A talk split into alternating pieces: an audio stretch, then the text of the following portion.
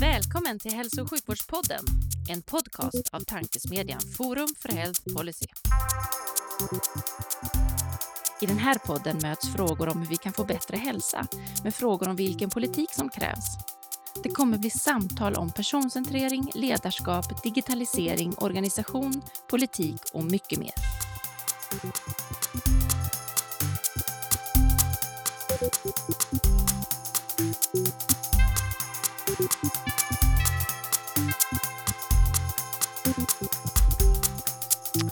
Hej och välkomna till Hälso och sjukvårdspodden, en podcast av tankesmedjan Forum för Health Policy. Forum för Health Policy är en oberoende tankesmedja som syftar till att driva på innovation och utveckling i hälso och sjukvården och omsorgen. Jag heter Magnus Lejelöw och arbetar till vardags för Läkemedelsindustriföreningen men även styrelseledamot i Forum för Health Policy. Och I min digitala sida sitter som vanligt och trevligt nog Livia Holm. För nytillkomna lyssnare, Livia, vem är du? Eh, ja, Livia Holm heter jag, också eh, styrelseledamot i Forum för Health Policy, men till vardags så jobbar jag på KRYD. Men dagens huvudperson är årets AI-svensk 2020 och den klarast lysande rösten, om man kan ha en lysande röst, inom ett av de hetaste områdena inom svensk hälso och sjukvård just nu. Varmt välkommen Marcus Lingman. Tack, tack. No pressure med den intron. Verkligen inte. Vi, vi har lite pressure, för vi, vi har bara roliga gäster i den här podden. Du, när vi brukar börja den här podden med att kasta oss in i vår faktaruta. Så vi tänkte helt enkelt börja med att ställa den, den lätta frågan. Vilket tycker du ur ditt perspektiv är det bästa sjukvårdssystemet i världen? Och varför tycker du det? Ja, eh, jag har hört att det finns ett som är väldigt bra i alla fall som heter Region Halland där jag, där jag jobbar eh, och eh, som eh, faktiskt levererar väldigt mycket god vård till nöjda invånare och, och eh, på ett mätbart sätt. Jag är ju ganska förtjust i, i att mäta saker och försöka faktabasera eh, sjukvårdssystem och, eh, och, och, det vi levererar. Så det, nej, men jag är väl djupt eh, jävig i frågan, men, men det är mitt svar. Ja, men det, vi har intervjuat 30, drygt 35 eh, personer och de enda som har svarat sitt eget system, de har varit i sydöstra sjukvårdsregionen hittills. Så du sticker ut. Men det är kul att gilla det, eh, det, det man gillar. Du Livia, för inte det oss ganska snabbt in på fråga två? Det gör det absolut. Du eh, sa ju att Region Halland är bra därför att ni levererar god vård på ett mätbart sätt. Och då är vår nästa fråga, vilka är de tre bästa parametrarna att mäta och utvärdera i vården och varför? Kan få välja fler också om du vill. Jag, jag, brukar ju säga att jag gillar hälso och sjukvårdslagen eh, och hälso och sjukvårdslagens definition av god vård. Eh, och, och den berättar ju ganska väl för oss eh, som vårdleverantörer vad vi ska åstadkomma, att vi ska liksom vara tillgängliga och effektiva och patientsäkra och, och, och, samverka med patienterna och så vidare. Och mycket av det där är ju mätbart. Så att jag, jag brukar säga att man kan utgå från lagstiftningen, det vi faktiskt eh, har sagt i riksdagen att vi ska vara bra på och sen så mäter vi eh, om vi är bra på det. Och när det gäller eh, till exempel effektivitet som, som vi nog vill hävda att vi har lyckats ganska bra relativt sett i det, då handlar det ju om att ställa effekterna, inte produktionen utan effekterna i relation till resurstillgången då, eller hur många medarbetare man har, hur mycket pengar man får att röra sig med. Som, eh, och, eh, och där, eh, där vet vi att vi levererar ganska bra, kanske bäst, men vi har hög överlevnad i, i de patientgrupper som vi tar hand om och, och mäter. Vi vi är väldigt förtjusta i att mäta hur det går för våra patienter. Eh, det är ju många eh, i, i och, och så, men vi, vårt sätt att leda och styra hälso och sjukvårdssystemet kretsar helt kring den, eh, den fakta, den data och den, kring klinisk utfall som, som vi har. Och så sätter vi det i relation till de förutsättningar vi får.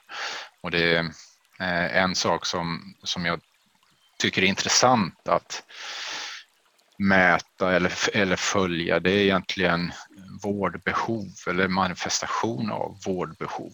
Eh, för eh, vi, kan, vi kan ta vårdplatsdiskussionen i Sverige. Eh, den, brukar ju eh, rendera i höga svall ibland. Men ibland så känner inte jag igen mig riktigt i den nationella diskussionen. Halland har minst antal slutenvårdsplatser per invånare i Sverige och Sverige har minst antal slutenvårdsplatser per invånare i, i, i inte i USA förstås, utan i OECD.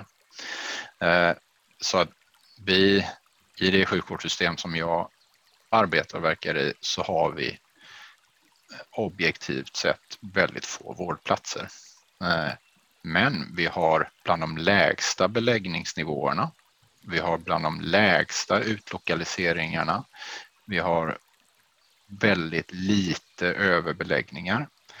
Eh, och så, så att det, och vi har inte eh, de eh, stockningar på akutmottagningarna som som, man, eh, som belyses i, eh, liksom i publik media, i bred media i, i, i, i flera sammanhang. Så att jag tycker man ska vara försiktig med att liksom dra för snabba slutsatser om vad lösningar i, i hälso och sjukvården är på de problem vi har. Uh, och det, så att, um, effektivitet och patientresultaten för patienten. Alltså vi, vi ska vår produkt i vården är ju bättre hälsa och längre liv och då är det väl det vi ska mäta. Plus hur nöjda patienterna är med oss. Eh, och det är väl de tre faktorerna som vi ska ställa i relation till insatta resurser. Skönt, du landar ner i tre till slut.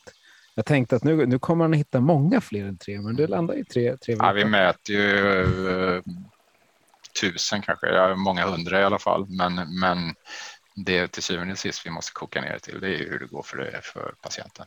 Ja, absolut.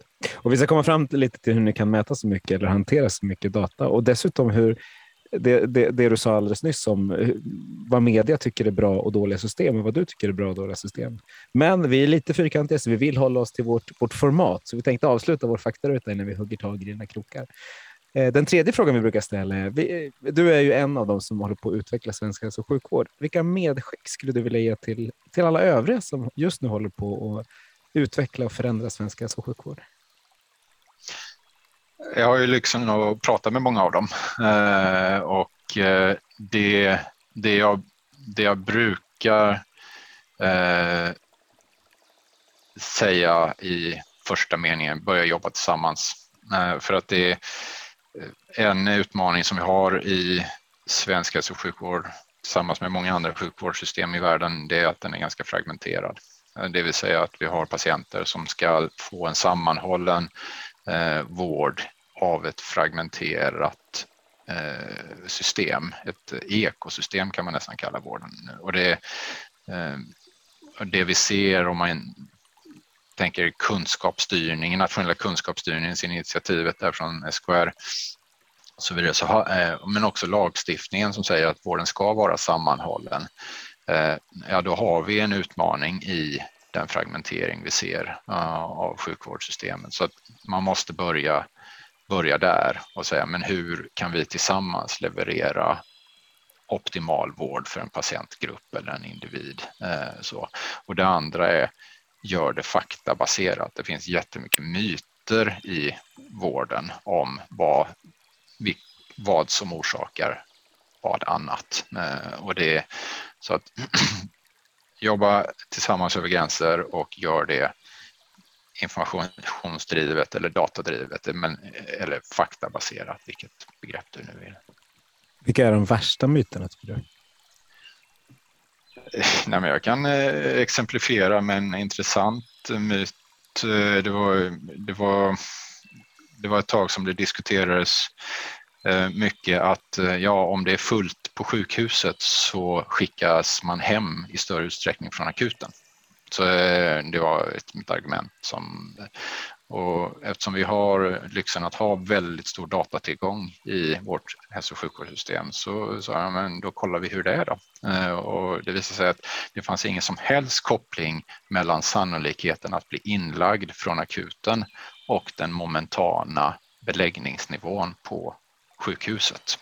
Det fanns ingen som helst koppling. Det fanns inte heller någon som helst koppling mellan eh, chansen eller risken att bli utskriven från sjukhus och hur trångt det var på sjukhuset just vid det tillfället. För det fanns ju då en farhåga, en bild hos vissa att vi skickar hem folk eh, för tidigt eller tidigare åtminstone när, när det är pressat i slutenvården. Men om man tittar på data så finns det i alla fall i vårt system fanns det inga sådana kopplingar. Vi inkluderade 100 000 patienter i våra analyser och det hittar liksom inga, inte ens tecken i den riktningen. Vilket var en, en, en väldigt viktig kvalitetsindikator. Alltså det, eh, det säger ju oss att, att eh, läkarna på akuten agerar utifrån individens behov och inte organisationens tillfälliga förutsättningar. Så att det var ju en väldigt roligt kvitto att kunna ge, eller återkoppling kunna ge till läkarna på akuten eller utskrivande doktorer på, på avdelningarna. Då. Men det, och sådana där saker är viktiga att titta på för det är ju, det är ju lätt att fatta beslut som, som leder fel om man tror att, att det ena orsakar det andra och så stämmer inte det. En annan, en annan jätteintressant sak eh, som var aktuell eh, ännu mer aktuell under en tid, det var ju psykisk ohälsa. Eh, och så, men det, vi, psykiska ohälsan i samhället ökar. Och det är väldigt svårt att hantera ett sådant påstående. Ja, men vad ska vi göra med den informationen? Eh, och har man då förutsättningar att bryta ner ett sådant påstående i, i lite beståndsdelar, säga, men vad är det för typ av psykisk ohälsa? I vilka åldersgrupper? Vad menar du med psykisk ohälsa? Och vad är det för konsekvenser av psykisk ohälsa vi ska undvika? Ja, helt plötsligt så dyker det upp en annan bild av det påståendet där vi kunde ringa in eh, en faktabaserad försämring av den psykiska hälsan i, i, i vissa åldersgrupper, i vissa liksom, kontexter och den dessutom gick att förutspå. Eh, alltså eh, vilka karaktäristiska som skulle eh, eh, leda till Eh, till och med psykisk sjukdom senare. Så att med faktabaserad, med tillgång till data och så vidare så kan man eh, drilla sig ner till mycket mer precisa insikter och därmed precisa åtgärder för att, för att eh, nå rotorsaker istället för att liksom, investera i chansartade åtgärder. Mm. Viktiga inspel. Det där hugger vi vidare i eh, lite senare under podden. Men först tänker jag att vi avslutar den här faktarutan med att eh, fråga efter din finaste patientanekdot. Ja, eh, då är vi inne på individ. Jag får, jag får berätta om hur det nästan var så det inte blir identifierbara uppgifter. Men det var när jag Eh, var ung läkare på en vårdcentral eh, och eh, så var det en flicka som hade trillat och slagit sig och slagit upp ett, ett jack i, i, i alltså vid ögonbrynet och eh, det, hon var, tror hon var nio år, något, något sånt. Eh, och eh, då, hon var väldigt orolig, hennes mamma var med henne och det, hon var rädd och det behövde sys det där. Och så sa jag att men jag kommer att sy så noggrant och fint jag bara kan för att du inte ska komma tillbaks till mig om fyra, fem år när du ska gå på fest och titta dig i spegeln och bli sur på doktorn för att det är ett ärr kvar. Eh, och, och, så satt jag där och, och pillade så noga jag kunde och välbedövat och de gick därifrån och hon verkade nöjd. Sen, eh, sen lång tid senare så fick jag ett kort eh, av, av den här tjejen som då var lite äldre eh, som visade hur fint det hade blivit och, och så var det ja, det var väldigt målande kring hur, hur viktigt det lilla patientmötet för mig som var det väldigt kort episod i en vanlig arbetsdag, eh, hur viktigt det var för henne.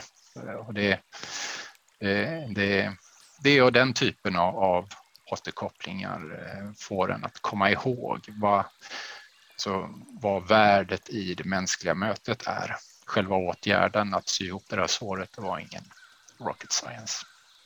Det är bra, men att däremot att få återkoppling från en tonåring om sitt utseende, då har man nått, då har man nått höga nivåer. Särskilt om den är positiv. Precis. det är helt sant. Ja, du har helt rätt i det. Men nu, nu är vi eh, en kvart in i podden och då brukar vi komma på oj, nej, men vi måste ju fråga, prata lite om Marcus också. Vem är du, Marcus, för de som inte vet och vad är din roll idag? Uh, ja, Marcus är en eh, uh, medelsvensson som uh, tänkte bli civilingenjör en gång i tiden uh, och tyckte det var jätteroligt tills han kom på att han skulle bli doktor istället eller läsa genetik var egentligen min, min första idé och det fanns på den tiden bara ordentligt på läkarutbildningarna så att då började jag på läkarutbildningen mitt i en, mitt i en civilingenjörsutbildning. Eh, och eh, fastnade där för att jag hittade mening eh, i, i vardagen eh, i den miljön och eh, sen så började jag ganska tidigt dra igång lite forskning vid sidan om. Eh, så jag blev sedermera kardiolog, hjärtläkare på Sahlgrenska och här i Halland och internmedicinsk specialist. Eh, Forskade under tiden, disputerade 2013 eh, samtidigt som Eh, jag och, och frun fick våra tre barn. Så det, det, var, ja, det var en utmanande tid. Man är ST-läkare med jourer och eh, forskning parallellt och eh, tre barn hemma. Så där, där spände vi livsbågen ganska hårt. Men, men det gick. Det, vi tog oss igenom och, och det gick ganska bra. Eh, så Eh, sedermera så blev jag chef i vården och har väl varit på alla chefsnivåer. Eh, snart första läkarchef och verksamhetschef, klinikchef och sen områdeschef som det heter i vår organisation. Nu sitter jag på heltid i sjukhusledningen för våra tre sjukhus och har ett gäng eh, nationella uppdrag också eh, och är sedan en eh, kort tid tillbaka adjungerad professor i i medicin med inriktning mot just eh, informationsdriven vård och nyttiggörande av hälso och sjukvårdsdata. Och brinner och ägnar mina dagar åt att utveckla hälso och sjukvårdssystemet som, som system, både forskningsmässigt och i min vardagliga gärning. Det är mer vad jag är, hur jag är. Ja, det, det får, det får, du naturligtvis också berätta. Det var väldigt ja, tydligt. Men, men, du är ju här liksom av flera anledningar. Både för att du är en, en trevlig och intressant person, men också för att du har gjort massa spännande. Och då är det ju kul för, för lyssnarna att veta om vad det är. Liksom, ja. Hur, hur är Marcus? Då? Ja, rastlös eh, och mer nyfiken än vad som är lämpligt. Liksom jag vill väldigt, väldigt gärna förstå saker och, och ägnar orimligt mycket tid åt att läsa eh, vetenskaplig litteratur och, och, så, men också att engagera mig i olika externa sammanhang eller dit folk puttar mig om inte annat eh, i, i MP-råd i, i södra sjukvårdsregionen där vi jobbar med horisontella prioriteringar som ett jätteviktigt område. Jag har eh, hamnat som eh, eh, nu kommer ett fint titel här, det är inte jag som har hittat på den, Special Advisor Society and Health på AI Sweden. Men det Eh, innebär att vi får jobba lite med tillämpad AI i sjukvården, eh, vilket är superspännande. Jag har förmånen att leda ett nationellt Vinnova-finansierat projekt som heter Informationsdriven vård tillsammans med AI Sweden och SKR och Karolinska. Och jag sitter i nationella kunskapsstyrningens Eh, NSG, alltså nationell samarbetsgrupp för metodstöd. Eh, det är vi som liksom hjälper till att ta fram hur kunskapsstyrningens kunskapsdokument ska, ska vara om man förenklar det jättemycket. Så jag, jag hamnar liksom i lite olika sådana externa sammanhang för att jag inte för att jag tycker att det vi gör är så himla viktigt och har svårt att låta bli att engagera mig. Eh, och, det, och det ena leder ofta till det andra. Och så var det telekomindustrierna som tyckte att jag skulle vara årets och Sveriges första AI-svensk, vilket baserar på en, en, del forskning och projekt som jag gjort på det temat. Eh, och det, så det var ju roligt för det är ju ingen industrisektor som, som jag eh, har jätteintim kontakt med till vardags. Men, men det var ju ärofyllt förstås. Mm, och det låter ju väldigt häftigt. AI är ju en term som, som liksom alla pratar om AI.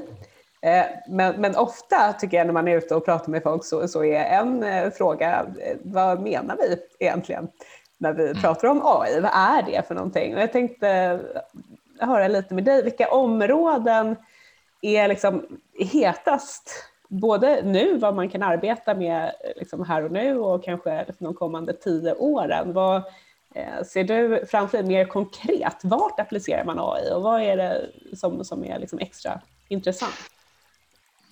Vi började ju vår resa 2014, 2015 var ingen som pratade om AI, definitivt inte i vården på den tiden, eh, utan det var liksom tips eh, som vi fick när, i ett samarbete vi hade med Harvard och MIT kontakter där som, som förde oss in på det spåret då, och mig. Då.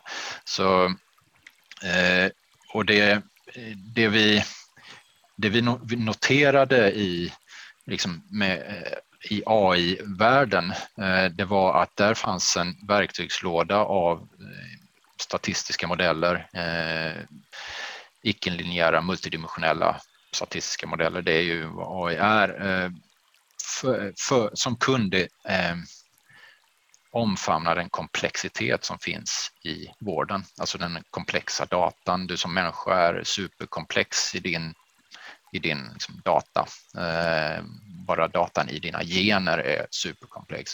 Och vården som organisation är, har ohyggligt mycket beroenden eh, hit och dit eh, som, som är svåra för en människa att, att se, att begripa eh, och, och ännu svårare att styra på om man nu vill det. Eh, så att det i i AI-verktygslådan så fanns verktyg som, som var ganska väl lämpade och är väl lämpade för, eh, för det vi gör i vården och den komplexitet som vi, som vi ser. Utmaningen var att de verktygen var inte byggda för vården utan de är, de är generiska verktyg, matematiska modeller som framförallt användes utanför vården men, men där tog det fart för några år sedan, alltså i tillämpningen utanför vården. Och då så vi var helt enkelt tvungna att eh, liera oss med icke-vårdmänniskor, eh, till exempel från fordonsindustrin, där man började eh, använda detta för att bygga intelligenta fordon och självkörande bilar och annat. Och det visar sig att de modellerna, de verktygen lämpar sig alldeles utmärkt för vården. Och då finns det inom vården, man kan säga kanske två spår. Eh, det ena är kliniska beslutsstöd. Eh, det, och det är också det svåraste området, det kan vi komma till. Men sen finns det också eh, tillämpningen se oväntade mönster i vården som system.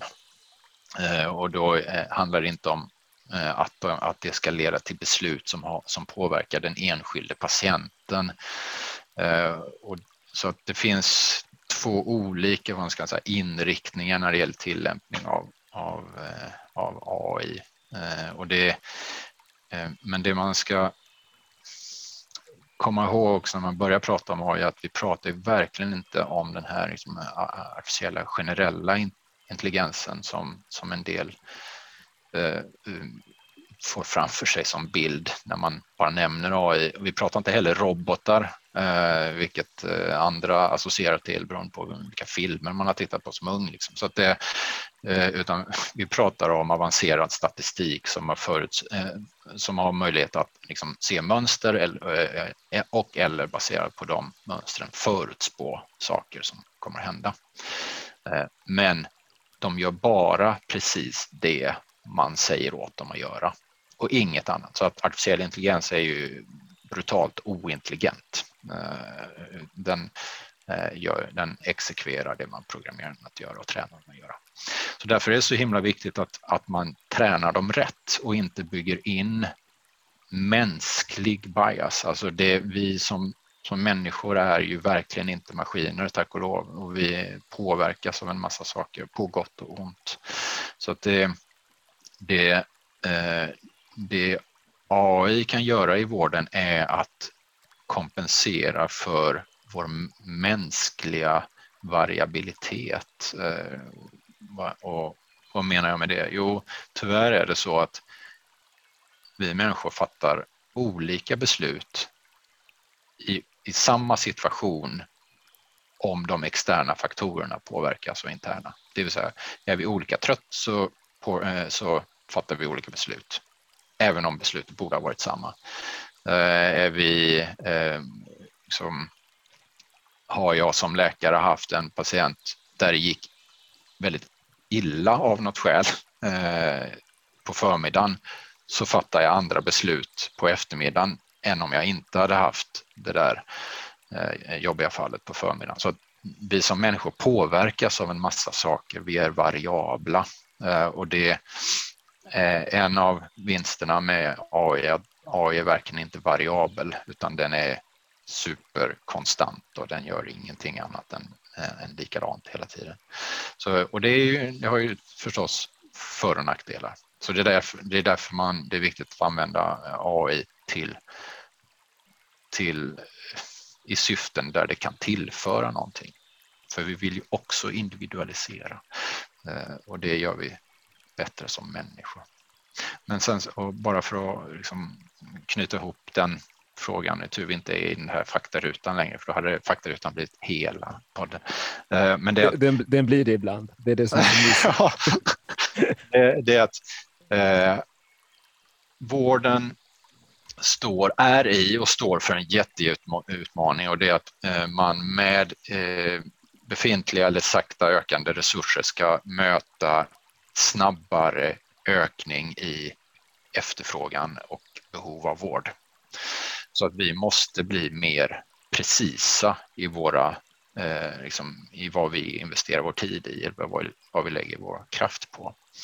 Eh, och det där har maskininlärning eller AI då eh, eh, möjlighet att hjälpa oss att rikta vår energi, våra resurser Eh, på individnivå och systemnivå dit de gör mest nytta.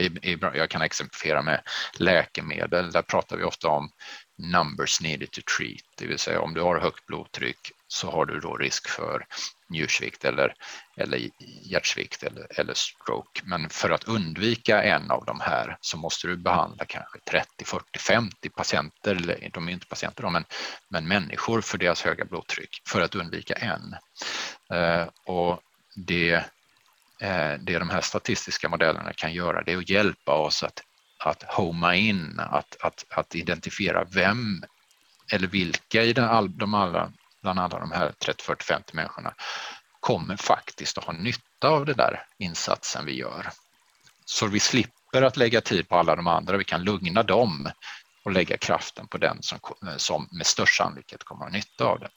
Så att vi, eh, det kan hjälpa oss att gå från det jag ibland kallar för gruppmedicin till precisionssjukvård. Det vill säga hur, vilka, vilka personer med diabetes behöver ett återbesök?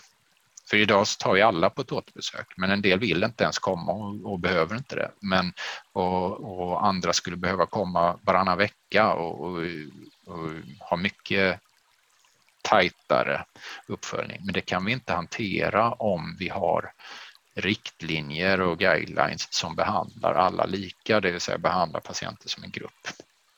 Eh, och eh, dit kan man ju närma sig, alltså individualisering eller precision kan man närma sig förstås utan, utan AI-verktygslådan, men AI-verktygslådan kan verkligen hjälpa oss att identifiera vilka patienter som löper risk för återinläggning när man skickar hem dem från akut eller från, från eh, eh vårdavdelning och vilka som inte löper risk så att man vårdplanerar rätt personer. Du, du, nämnde nu eh, att, att ni kan hitta vem som ska få ett läkemedel. Du har nämnt att du vet vilka patienter som skulle kunna få psykiatriska problem. Och du har i ett annat sammanhang nämnt hjärtpatienter, att ni vet vilka i Halland som borde vara, liksom, ligga närmst till för, för nästa händelse inom, inom hjärtsjukvården. Får, får, ni agera på den informationen och hur, liksom, till vilken utsträckning, vilken utsträckning får ni agera på den? Um, ja, det här är ju exempel, en palett av exempel och flera av dem du nämnde har, eh, är insikter som har skapats inom ramen för forskningsstudier. Eh, och, och det har ju sin liksom, gång eh, med kontrollpunkter med etikprövning och med eh, inform consent och, och, allt vad som följer med det. Så att det, det gäller att ha koll på vad man gör även ur ett juridiskt perspektiv och vi har lagt mängder med tid på att förstå eh, var, eh, alltså vad lagen säger i de här frågorna. Och det är inte alltid lätt att, att förstå för lagen skrevs ju lite före det fanns eh, AI, särskilt i vården. Så att det, det blir mycket eh, ja, man får lägga mycket krut på det, eh, helt enkelt, både på det juridiska men också på det etiska. Eh, och det, jag har fått förmånen att bidra lite in till Sveriges synpunkter på EUs förestående AI-lagstiftning. EU-kommissionen e håller på att komplettera GDPR med en specifik AI-lagstiftning och där, där ser man ganska tydligt eh, vad, vad parlamentet är rädd för och det är ju missbruk. Alltså det är ju eh, otillbörlig påverkan på dig som, som människa och det är ju det med AI är lite som med kärnkraft på något sätt. Alltså det, det, kan producera fantastiskt mycket energi som kan användas till bra saker, men det kan också i fel händer och fel använt eh, bygga kärnvapen eller motsvarande. Så att det, Ehm, jag tycker det är bra att det, att det regleras, ehm, helst utan att det hejdar för mycket utveckling så att de goda syftena inte får stå tillbaks för mycket då, men för det vill nog ingen. Men jag var i EU-parlamentet eh, för, för en tid sedan och pratade om de här frågorna och det, det finns min bild är att det finns en, en ganska stor eh, rädsla eh, och den rädslan är baserad framförallt på okunskap eh, kring vad, vad de här verktygen gör och vad de är. Eh, men som sagt, det, det, det, är inte annat än verktyg. Det är händerna som håller, eh, håller i verktygen som, som avgör om de är bra eller dåliga. Så att säga. Mm. Ja, men för det blir ju delvis oetiskt att inte använda dem också. Känner jag själv som skulle tillåta det mesta bara för att jag är intresserad av att informationen ska användas på mig. Men jag, jag förstår ju också att lagen, det var därför jag ställde frågan. Det var lite dumställd, men, men jag tror att det är bra att diskutera det också. Ja, det, det, men det är en oerhört viktig fråga för vi tillåter ju redan idag eh, att AI påverkar våra liv eh, gladeligen, men inte när det gäller hälsa kanske det är en av de viktigare aspekterna av, av, vårt liv. Men, men allt annat, eh, vilka filmer vi ser och vilka låtar vi lyssnar på och vilken väg vi kör till jobbet och, och, och vilket väder vi tror det kommer att bli och, och massa sådana saker som vi tar för givet. Eh, eh, det är ju AI-drivet redan idag så att det och där, gläd, där gödslar vi ju med vår data gladeligen. Vi har ingen aning om, om, får man väl krasst erkänna, vad den används till. Nästa gång det kommer en uppdatering i iOS, vad det nu är, vad de är på 14 punkt någonting, så trycker man liksom I agree bara för att få den där nya appen eh, och sen står det en kilometer ner i den där I agree disclaimern att de eh, liksom kan använda din din data till alla andra syften, så att det, och vilket man sällan läser. Eh, så det, det, ja, det är en lite klurig fråga. Det, när det kommer till, till vården så är det jätte, jättenoga och vi är väldigt hårt reglerade och det ska vi vara. Vi har krav på oss att vara väldigt transparenta och det ska vi vara. Men det är krav som inte ställs på en hel del andra samhällssektorer. Så det, men, men det är kanske så det behöver vara helt enkelt. Mm. Finns det en risk att, för som jag var inne på tidigare, vi pratar ofta om AI som liksom ett otroligt stort begrepp där man då kan tolka in en rad olika saker i vad man menar med AI. Men precis som du var inne på så, så kan man applicera AI på liksom en mängd olika användningsområden eh, som är viktiga för vården.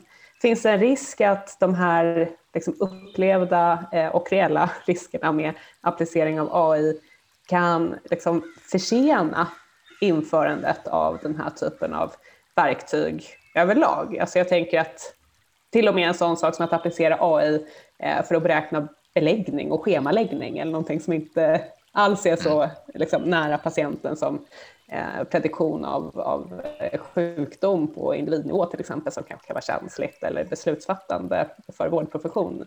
Ser du att det, det finns sådana tendenser eller är svensk hälso och sjukvård mottaglig för den här typen av verktyg? Eh, det du tar upp nu är redan en av de tempoavgörande faktorerna. Eh, det, man skulle kunna tillämpa AI mycket snabbare eh, i vården, men, men till att börja med så är det ganska få i vården som vet vad det är överhuvudtaget. Och, och, så att det vi ser i vården nu att det de mest mer konkreta tillämpningar förutom liksom intern analys och forskningsprojekt det är genom, genom eh, medicintekniska produkter som har det eh, integrerat i sig och som är CE-märkta och som har gått liksom proceduren via Medical Device Regulations beskrivningskrav och, och så vidare. Så det, det är den vägen in som vi Eh, ser det hända eh, just nu i alla fall. Och det, eh, men alltså det, okunskap är ju eh, inom just detta fältet är ju en, en begränsande faktor för det leder till rädsla. Eh, och, eh, då, då är man försiktig. Eh, och det är väl klokt att vara försiktig med saker man inte begriper men, men eh, det är också begränsande. Det är rätt många som inte är försiktiga med saker de inte begriper här runt om i världen. Men just här, jag håller med, det är ett känsligt och viktigt område. Så det, eh, det, det är bra det också. Eh, vi, vi, kommer att fortsätta in på andra ämnen också, men vi, det, det, är så lätt att fastna och prata AI med dig, Marcus. Vi, vi fortsätter lite till. Förutom Region Halland, vilka är bäst i världen på att använda AI inom hälso och sjukvård? Eh, ja, bäst i världen, om vi vidgar vin globalt, då skulle jag vilja säga att det är ett, en handfull amerikanska sjukvårdssystem. Eh, Mayo-kliniken jobbar jättemycket med det, Cleveland Clinic, eh, Kaiser Permanente på västkusten, eh, Partner Healthcare, Bostonområdet. Eh, ja, det finns fler, men, men det är väl där som liksom, det verkligen spirar. Eh, och eh, det beror nog delvis på att de har lite andra förutsättningar än vad svensk sjukvård har. Och, och vad, vad, hur, hur långt har de kommit? Vad gör de för, för spännande saker? De har ju... Eh, alltså, och vi börjar en annan ände. AI är ju väldigt datahungrigt. Eh, så att det... Eh, för att bygga AI behöver du väldigt, väldigt mycket data. Eh, och du behöver eh, för att kunna bygga AI-verktyg som du har nytta av i mer än bara en liten, liten nisch så behöver du ofta data från flera olika dataproducenter och då menar jag både organisatoriskt sett, alltså delar av vården, men också eh, eh olika mjukvaror. Och i, i eh, Eh, I Sverige så har vi delvis eh, inlåsningseffekter av data som är, de ligger på flera olika nivåer. Vi har inga gemensamma eh, datastandarder i Sverige till exempel. Vi har inga gemensamma informatikstandarder. Vi har lagstiftning som är organisationsorienterad och inte patientorienterad som skapar inlåsningseffekter och sen har vi också liksom kulturella saker. Det här är min data. Liksom, det här ska inte in, ni in och snoka i för det, data är idag väldigt, väldigt värdefull. Det är, liksom, det är ju den nya valutan skulle jag vilja säga. Och då, eh, så om man, med den bakgrunden så har eh, amerikanska sjukvårdssystem eh, de har eh, många begränsningar men de har också en del möjligheter när det gäller just datatillgång och datanyttjande. För om du är en gemen, en, en vårdgivare då, eh, som har väldigt mycket under ditt eget paraply eh, det vill säga inte är så fragmenterat. Du, du är ett sammanhållet vårdsystem så har du helt andra förutsättningar att utveckla eh, AI-modeller om du dessutom har råd att förse dig med kompetens och sätta den in-house.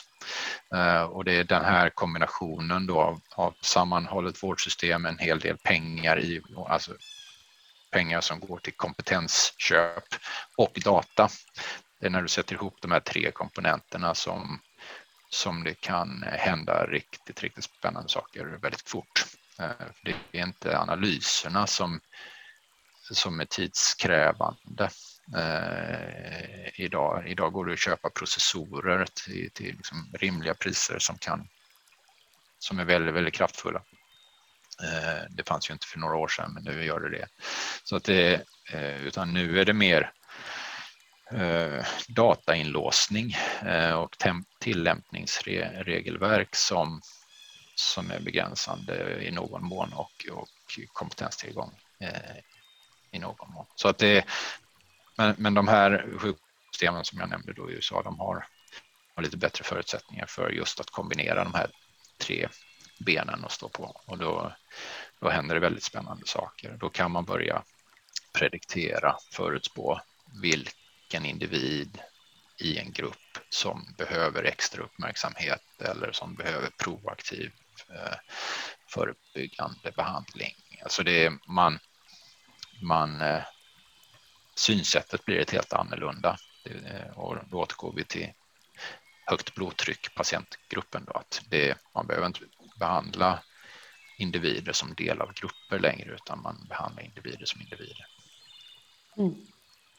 Apropå det här med, eh, med data, just nu så eh, är ju många av Sveriges regioner liksom i, i full gång med att introducera eh, nya vårdinformationsmiljöer Eh, vad är din bild av liksom, hur det arbetet går eh, och vad det kommer innebära för just möjligheten att applicera AI till exempel eller vad det kan ge för, för liksom konkreta nyttor för patienterna framåt? Eller vilka eventuella utmaningar du ser med, med utrullningen? Det var nog den största frågan jag fått på, på, på, på lång tid, utmaningar med utrullningen av nya vårdsinför. De är ju idag, de är ju som, det man, eh, det man kan börja med att säga att det vi pratar om är ju då inte längre journalsystem, det, utan det är ju vårdinformationssystem och det, vi är ju också inne i en sån eh, övergångsfas där vi ska ut från ett och in i ett annat. Men det vi ska in i eh, är ju mycket bredare och omfattar mycket mer än det vi ska ut ur. Eh, så, eh, eh, utan det, och så ser det ut för, för alla regioner så vitt jag vet som är inne i, det här. Det, det som är gemensamt och som, som kommer att föra, föra utvecklingen och förmågorna framåt det är att man får standardisering, alltså man får en väldigt tydlig bild av Eh, var hälsodatan kommer ifrån och hur den hanteras. Du kan få kontroll över läget eh, och åtminstone hitta dina brister. För i, i, i vårt informationssamhälle och vårdsamhälle idag så har ju tusen blommor blommat så att vi har ju eh, bara Halland tror jag vi har över 400 mjukvaror som varje dag skapar någon form av information eller data eller som lagras ner och används mer eller mindre. Och det, så ser det ut i alla regioner. Alltså det vi, och det vi, det vi får nu är mer eh, sammanhållen informationsstruktur. Men vägen dit är ganska kämpig för det innebär att vi måste enas om en massa saker.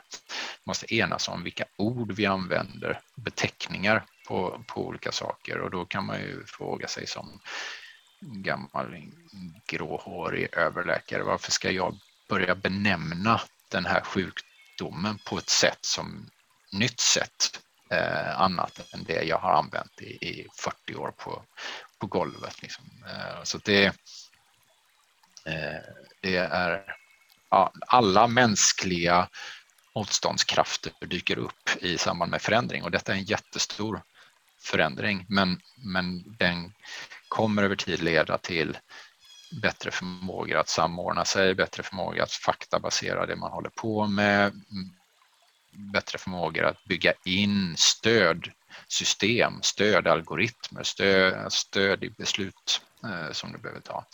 Bättre möjlighet att följa upp, eh, bättre möjligheter att interagera med patienter. Eh, så, men, men, vägen dit är ganska bumpy och, och, och, och jobbig.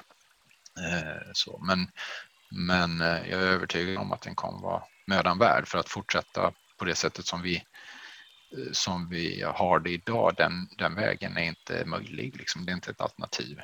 De, de strukturerna, de mjukvaran, de håller på att krackelera för att de är av så gammal typ. Så, och det, Patrik Sundström börjar, eh, brukar ibland prata om, om den digitala vårdskulden i Sverige, det vill säga vi var väldigt tidigt in i digitaliseringen, vilket har tjänat oss väl under många år. Men det innebär också att vi står nu med ganska gamla system eh, och det gör att vi övergången till, eh, till liksom det nya blir, det klivet blir lite större än om vi hade tagit det gradvis. Sant. Eh, när, när, du lyfter och belyser så kan man ju vrida på frågan ett steg till då och eh, tänka om den där frågan var svår. Eh, hur ska vi styra den svenska hälso och sjukvården? Är det regional styrning eller statlig styrning som vi har lärt oss delvis eh, kan vara bra under pandemin eller snarare nationell samordning? Eller hur gör vi det bäst? Vi har ju provat att ändra tingens ordning. Vi har haft en, en, en, en eh, vi röstade för några år sedan om vi skulle ha en annan tingens ordning, det vill säga att vi inte skulle ha 21 eh, regioner utan större men färre regioner. Det blev inget av det. Eh, så att, nu, var, nu var ju frågan vad, vad, du tror skulle vara det bästa, inte vad vi som, som befolkning tyckte. Nej, precis. Jag är i och för sig en del av befolkningen, om än pytteliten. Men, men, eh, nej, men så här, det finns ett, en del behov och en del problem som inte kan lösas ut på regional nivå. De behöver lösas ut på nationell nivå. Eh, och det är till exempel eh, och det är sånt som nationella kunskapsstyrningen delvis adresserar. Hur ska vi ta hand om patienter så att vi gör det på ett jämlikt sätt? Det, det hade inte kunnat ske om varje region hade suttit hemma på sitt kontor och skissat vårdprocesser. Det andra är att vi, kan in, att vi som enskilda regioner inte bestämma oss för vad som ska vara gemensamt när det gäller standarder. Det måste ske nationellt. Eh, samtidigt så eh, kan jag konstatera att storleken på det hälso och sjukvårdssystem som jag jobbar i är ganska ändamålsenligt eh, faktiskt för att få utveckling att ske. Eh, och om man tittar på, eh, man kan titta lite på USA och eh, relatera till utvecklingen eh, som man har försökt få till stånd där, det vill säga närma sig det som kallas för accountable care organizations, där, där ett sjukvårdssystem får helhetsansvar för eh, vårdresultatet för, för individen. Där är vi i, i ganska stor utsträckning redan nu. Alltså vi, eh, och eh, ett av skälen till att jag tror att Halland har lyckats lite bättre eller haft lite mer tur eller vad man ska kalla det i, i några av de här frågorna. Eh, det är att vi har haft en lagom storlek för att mäkta med att göra förändringar. Eh, så. Men i den andra vågskålen ligger då att vi har inte förutsättningar att skala upp det. Så det, det riskerar ju då att det blir en ojämlikhet eh, om, om en, en region lyckas gå före i en fråga så, så, per definition så ligger man då före andra som därmed ligger efter. Eh, och på det sättet så kan eh, ojämlik vård drivas. Så att det, för att försöka svara på frågan så tror jag att det behövs sjukvårdsorganisationer av storlekar där det går att göra utveckling. Men att det måste finnas en, central Eh, funktion som ser till att det blir jämlikt och skalbart. Det vill säga att de här kompetenserna, förmågorna som byggs eh, kommer eh, alla till del. Och det är, så att vi behöver det bästa av två världar. Jag tror inte att liksom, staten skulle klara att bedriva sjukvårdsutveckling på det sättet som flera regioner lyckas med nu. Men regioner å andra sidan klarar inte att, att eh, garantera jämlik vård i det nationella perspektivet. Så att det, vi, behöver, vi behöver två. Man behöver hålla två saker i huvudet samtidigt. Det kan ju vara lite jobbigt, men, men det är nog det som krävs. Mm. Det där är ett viktigt eh, perspektiv, just det här med förmågan att ta upp nya innovationer, arbetssätt, omställningar och att det kan vara lättare i, i så att säga, en, en mindre region eller, eller kontext. Eh, där har vi ju eh, länge pratat om det här med våra gröna öar eller pilotkyrkogården eller vad man nu vill benämna det som. Just den här eh, förmågan att eh, liksom visa på resultat, göra någonting väldigt bra i en region men sen få det att skala till, till andra regioner, att lära oss av varandra. Har du några liksom, tankar på hur vi skulle kunna bli bättre eh, i det avseendet? Ja, där tycker jag ändå eh, man kan låta sig inspireras lite av NHS, alltså det brittiska sjukvårdssystemet. De har ju det de kallar för Vanguard Areas. Deras sjukvårdssystem är grovt indelat i truster som är en trust är ganska lik en region, en region och några av de trusterna har då fått tillåtelse att vara Vanguard Areas, det vill säga att gå före i vissa frågor och sen så har de eh, på nationellt plan eh, då eh, funktioner med uppdrag att se till att, det, att de insikterna, de kompetenserna, kunskaperna och arbetsmetoderna och vad det är nu som dyker upp, att de skalas och sprids. Eh, det är inte heller ett, liksom ett idealt system, men, men om man tittar på just den frågan, stat versus region eller NHS nationellt versus trust eh, så tycker jag att de har kommit eh, lite mer framåt än vad, än vad Sverige har i just, eh, just det perspektivet. Och det, men vi, vi, vi måste nog helt e- det måste finnas någon form av central orientering, central eh, funktion som sätter ner foten i vissa frågor.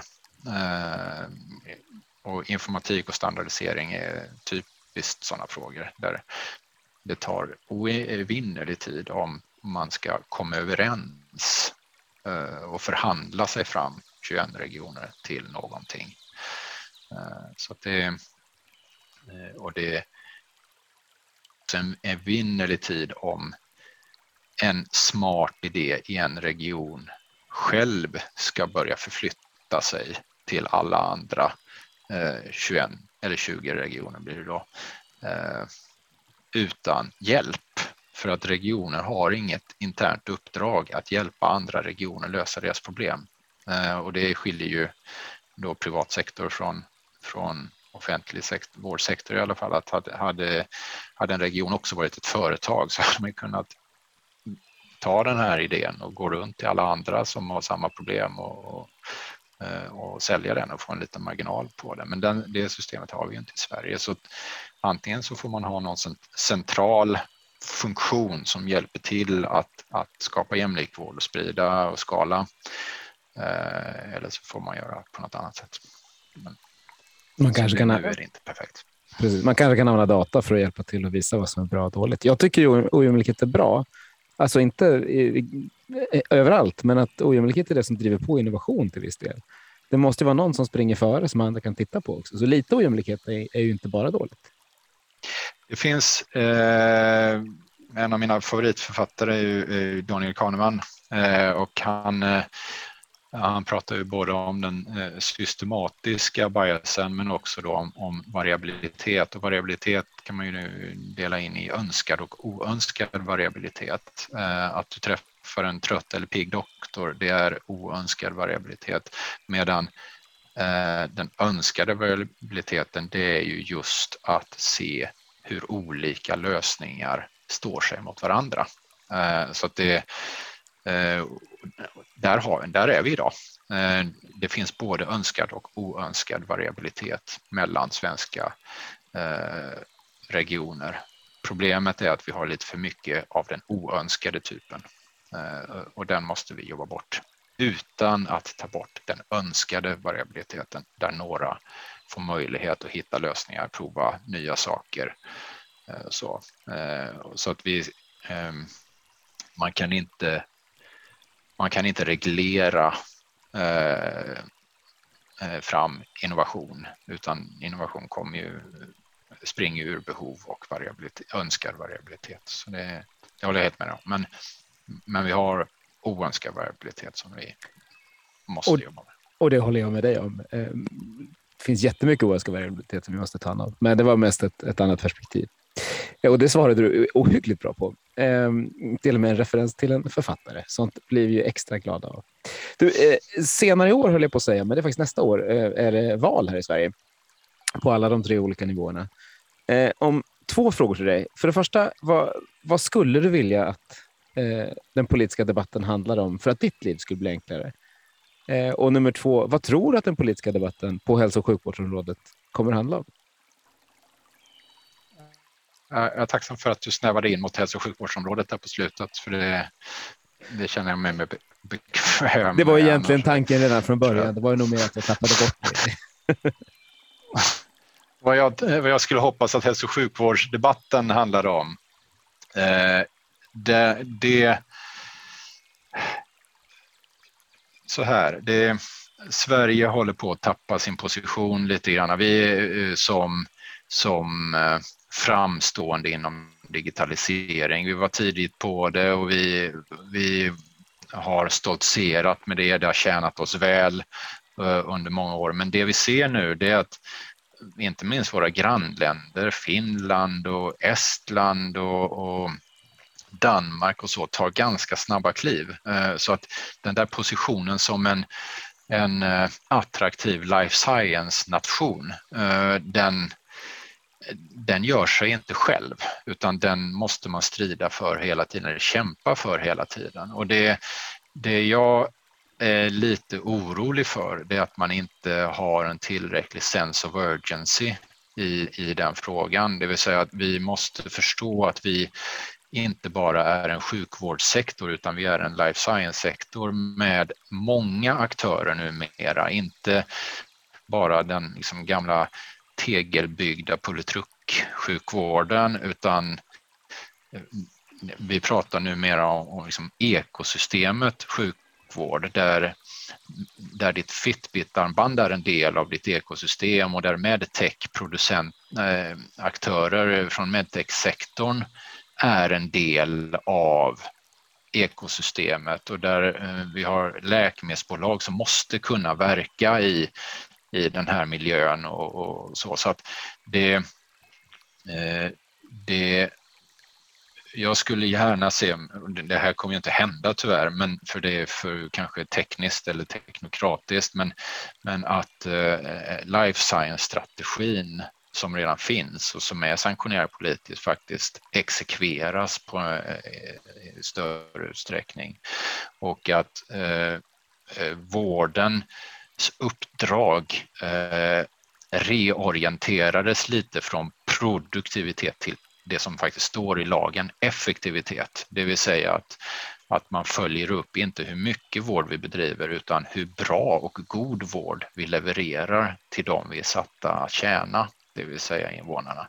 Och, vi, det, och här idag följer vi, du pratar om, om varia, gynnsam variabilitet innan, ja det är ju skälet till att vårdens siffror finns eller att kvalitetsregister finns. Det är ju att man helt ska hitta skillnader eh, som, eh, där de dåliga kan bli bättre och inspireras av de duktiga. Eh, och det, men det när vi nu faktabaserar vårt hälso och sjukvårdssystem på det sättet som vi gör så inser vi att det finns också missriktad välvilja genom att mäta vissa saker som på totalen inte är gynnsamma för patienten.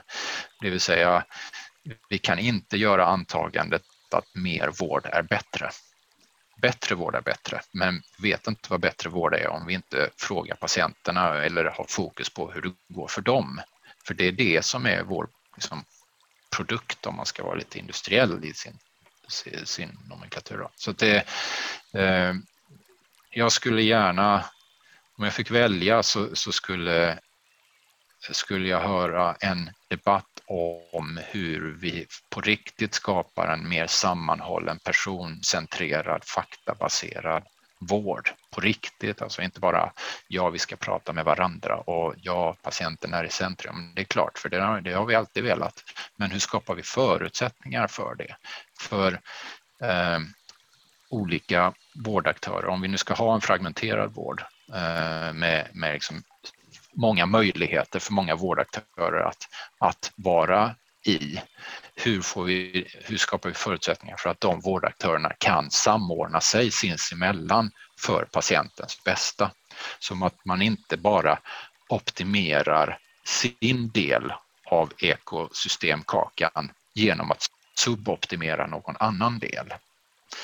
Eh, och det, det där är, ja, hur gör man några enkla politiska punchlines av, av det som, som går att, att saluföra på liksom, torgtalen. Det, jag tycker det är lite svårt, men, men jag önskar att, att man i alla fall kunde enas om att sammanhållen vård på riktigt är viktigt och faktabaserad vård på riktigt är viktigt för patienten. Sen huret kan vi återkomma till, men, men det kräver faktiskt lagstiftningsförändring. Det kräver finansieringsmodellsförändringar och lite sånt där. Vi får skicka, skicka den här delen. På, precis, vi får fundera på en bra valaffisch för det här. Ja, inte, bara fler, med det, så... inte bara fler händer i vården, med bättre data i händerna. Eller? Nej, och, och, och, grejen är att det där, det där du säger där, det är ganska viktigt för hur ska vi kunna få fler händer i vården om vi tittar på den demografiska utvecklingen? Var ska de händerna komma ifrån? Exakt. Eh, vi vet, det enda vi vet är att, att de som behöver vårdens stöd blir fler. Mm. Eh, men var ska de fler händerna komma ifrån? Jag tror att den som bygger sin strategi på att få fler händer i vården gör sin fram, yrkesframtid väldigt jobbig faktiskt. Eh, det, vi har inte... Ja, man måste prata om saker som de är. Om man tittar på universitetskanslerämbetets prognoser över hur många händer som kommer att finnas tillgängliga för vården per yrkeskategori så gör man livet mycket, mycket lättare för sig som chef att inte bygga på teorin att de ska bli fler, mm. även om man vill det. Mm. Eh, jag tror alla skulle vilja ha fler händer i vården, men matematiken är ju tyvärr ganska krass. Så det, men vi, vi skickar din, din inlaga till, till samtliga partier och så får vi se vilka som fångar upp den och gör en valaffisch av den. För vi vill i alla fall att det ska genomföras. Det var väldigt, väldigt bra ord och vi vill gärna implementera den där life science-strategin. Nu har eh, två viktiga saker. För det första så har våra lyssnare varit ute och promenerat eller sprungit i mer än en timme. För det andra så har du ett hard stop här om några minuter, Marcus, där du, om jag får gissa då, antingen ska ta hand om något av de där tre barnen eller ska prata AI. För det känns som att det är de två, två spåren som just nu är leder ditt liv. Men eh, när du gick in i det här digitala rummet med mig och Olivia, var det något du hade velat prata om som du känner att men det här har inte jag fått prata om? Det här har de ju helt missat. Ja, det är ju lätt att hamna i AI-spåret eh, på grund av eh, min etikettering, men det, det är viktigt för mig att, att påtala att, att AI har inget egensyfte, liksom, att det, AI är en verktygslåda som ska tjäna ett, ett syfte och det är ju att, att bygga säkrare och mer eh, precisa eh, vårdsystem som är eh, patientorienterade och inte organisationsorienterade. Eh, och det, så att skulle jag liksom få lämna lyssnaren med någon tanke så är det hur bygger vi om sättet att se på vård från eh, silofierat alltså organisationsmässigt silofierat, för med det följer massa andra silos, datasilos och regulatoriska silos allt möjligt, till en, en patientorienterad vård på riktigt. Då. Eh, och då, eh, för idag är lagstiftning, budgetar, chefsansvarsområden. Eh, allt följer organisationsträden.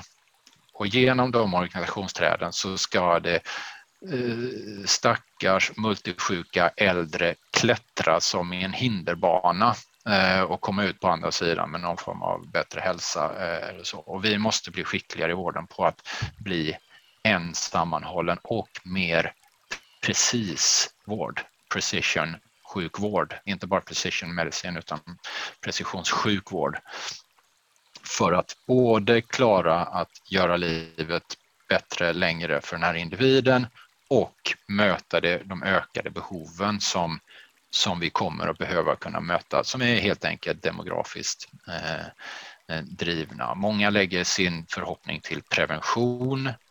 Det gör inte jag ur ett resursperspektiv. Prevention är bra för eh, på alla, alla sätt, men det är ingen pengabesparare. Om vi har tre minuter till kan jag berätta varför, men, men det, eh, det, det, prevention i sig behöver resurser, det kostar pengar. Och, och, men det som händer det är att om du förebygger bort en hjärtinfarkt så kommer du hinna få din cancer innan du går bort lite senare. Så att du kommer få ett längre liv och ett mer hälsosamt eh, liv men du kommer inte att få Eh, mindre vårdbehov under det sammantagna livet. Eh, utan tvärtom så är chansen att du också hinner bli dement eller Eh, och, dement och få en, en cancer för att du levde längre helt enkelt. Eh, så att den matematiken är lite läskig ur ett resursperspektiv. Sen är prevention bra ur alla andra perspektiv, eh, men men, men man ska vara lite försiktig att, att räkna hem pengar när man investerar i, i vällevnad. Visst är det så. Livia har som sagt en, har en hygglig massa mängd frågor som vi inte har ställt, så vi får säkert komma tillbaka om, om något halvår och prata mer, Marcus. Men för den här gången så tänkte vi tacka dig som varmast för ett väldigt inspirerande samtal. Eh, tack Livia som vanligt för att du, för att du är med här och, och tack alla ni som har lyssnat.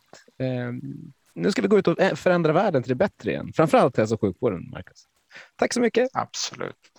Tack. Tack.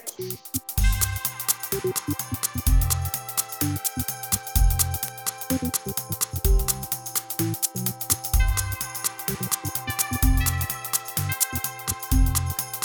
you.